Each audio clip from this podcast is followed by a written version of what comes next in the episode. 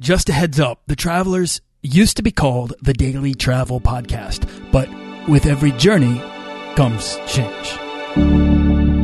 This podcast is produced by Holocene, a community of creative travelers. If you want to get serious about planning that next trip, writing that book, starting that creative project, or launching that business, we're breaking down the barriers between where you are where you want to be together at joinholocene.com. That's join, H O L O C E N E.com. U.S. First Lady Michelle Obama has gotten a lot of attention over the years for her efforts to fight childhood obesity in America. She promotes another cause involving young people. She wants them to study abroad. Right now, she's in China where she discussed exchange programs yesterday with Chinese and international students. Studying abroad is about so much more than improving your own future. It's also about shaping the future of your countries and of the world we all share.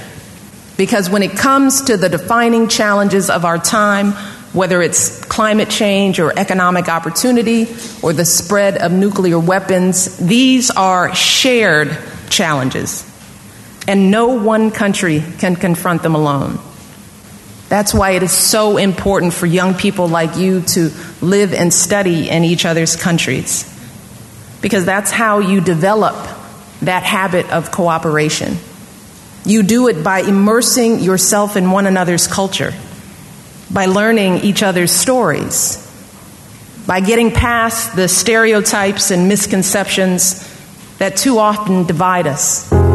So I guarantee you that in studying abroad, you're not just changing your own life, you are changing the lives of everyone you meet. You all have so much to offer and I cannot wait to see all that you achieve together in the years ahead. Thank you so much. Xie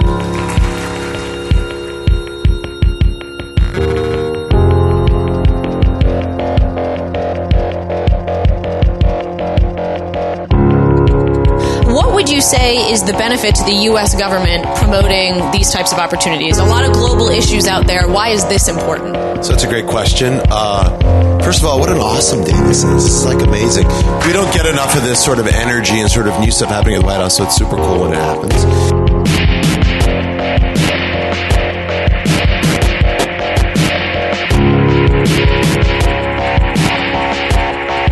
Why do we think this is important? We think this is incredibly important to have a, not only a workforce that's literate and conversant, not just in sort of STEM, which matters a ton, but in sort of a more global environment that we're operating in. So we think it's absolutely crucial. And I would say, as again, someone who also studied abroad, I was in Spain.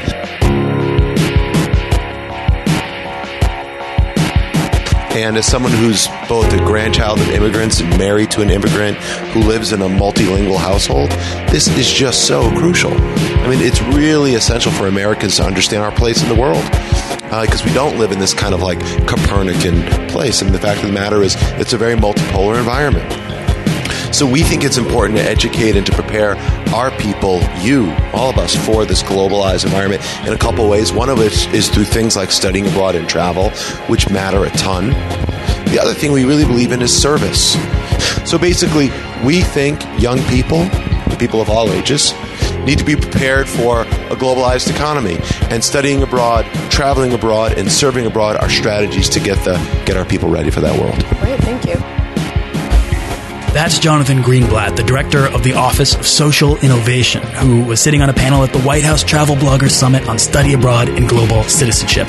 And this is part two of a five part podcast miniseries designed to bring you with me to this unprecedented event.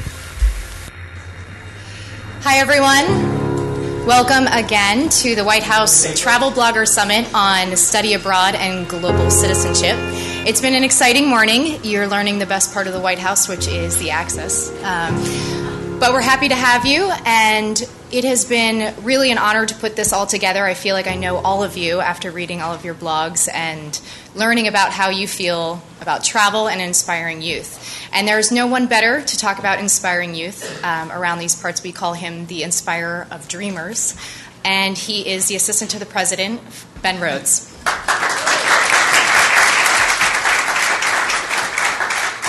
Thanks everybody for being here. And uh, nobody has called me the inspirer of youth uh, before. I just want that to be clear.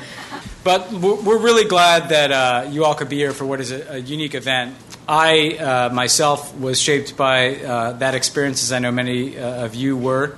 Um, I studied abroad in, in, Paris, which in U.S. government terminology wasn't exactly a hardship post. Um, uh, I had a lot of fun, um, but I also, you know, learned something about myself and about other people um, that uh, I could not have learned uh, anywhere in the United States. Um, and it helped shape who I am and, um, and, and, the perspective that I brought to everything I've done ever since.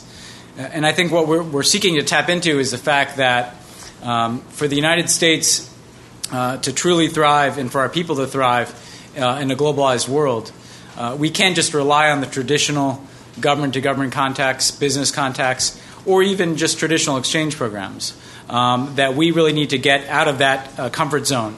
Um, because frankly, uh, the engagements that are going to shape perceptions of the United States and shape uh, the experiences of the American people uh, are largely the ones that are going to take place outside of uh, embassies uh, and consulates. It's going to be out in volunteer programs and educational exchange programs where Americans are shaping the perception of our country by the people they're engaging, but Americans themselves are being shaped by those experiences. We want all Americans to recognize that there is a value um, in studying abroad. There's a value uh, in engaging people uh, around the world. Uh, there's a value personally, uh, there's also a value professionally, uh, and there are resources available to them.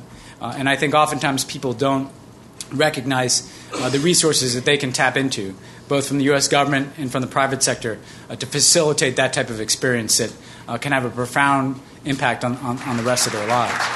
So just so just before we hear from Assistant Secretary Evan Ryan, we have another surprise guest um, from the West Wing, another great personality, Dennis McDonough, who is the Chief of Staff and the President's right hand.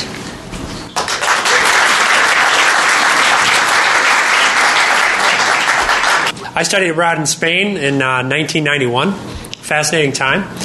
The, the United States uh, was, as you'll recall, under the leadership of President Bush and Secretary Baker, gearing up for uh, and then carrying out the war to liberate Kuwait.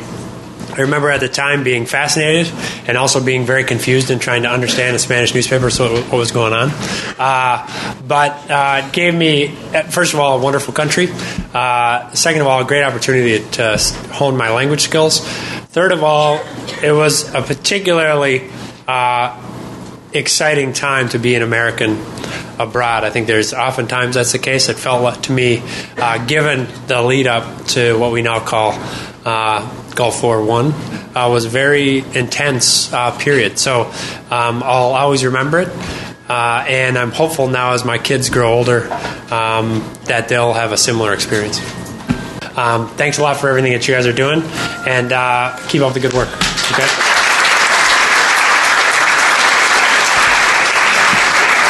So I'm going to give you a little bit of inside White House information right now. You all had the White House Chief of Staff, Dennis McDonough, and Deputy National Security Advisor Ben Rhodes. It's a very big deal that you had them both here with you today. So I just just to give you a sense of the level of importance that the White House places on this. Really something to have both of them here. So we want to thank Dennis and Ben for, for both. This is Evan Ryan, the Secretary of State for Educational and Cultural Affairs. She's about to make a very big public announcement. Having studied abroad myself, I can personally attest to the transformative experience of studying outside of your own country, but also outside of your own comfort zone. While we are proud of our role in supporting over 7,000 Americans who receive scholarships from State Department programs each year, we are only the leading edge in fostering and responding to interest in today's globally minded students. With this recognition, I'm pleased to announce that we are establishing a new office in our Bureau, the U.S. Study Abroad Office.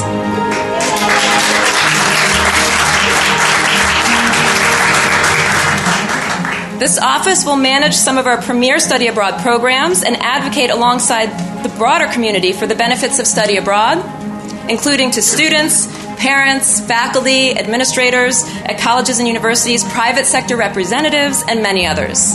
So we're very proud of this. It's a big part of why we're excited you all Let's are here think today. and work creatively together to share the values of study abroad for our workforce and our society, to encourage young people to gain a global perspective as part of their studies, and to make the most of the talented and globally minded individuals who have benefited from study abroad by hiring them and working with them to solve our social and economic challenges. As travel bloggers, you all are experts in communication and in technology. That is why you're here. And there's a lot of talent and experience and creativity just in this room. It is our hope that each of you will join us in touting the benefits of study abroad and encouraging greater and more diverse numbers of Americans, students, to travel and study abroad. We know that today's globally minded students have a strong interest in either studying abroad or in working abroad. Surveys over the past 10 years show that well over half of our current or incoming college students share this interest. So, why aren't more students studying abroad?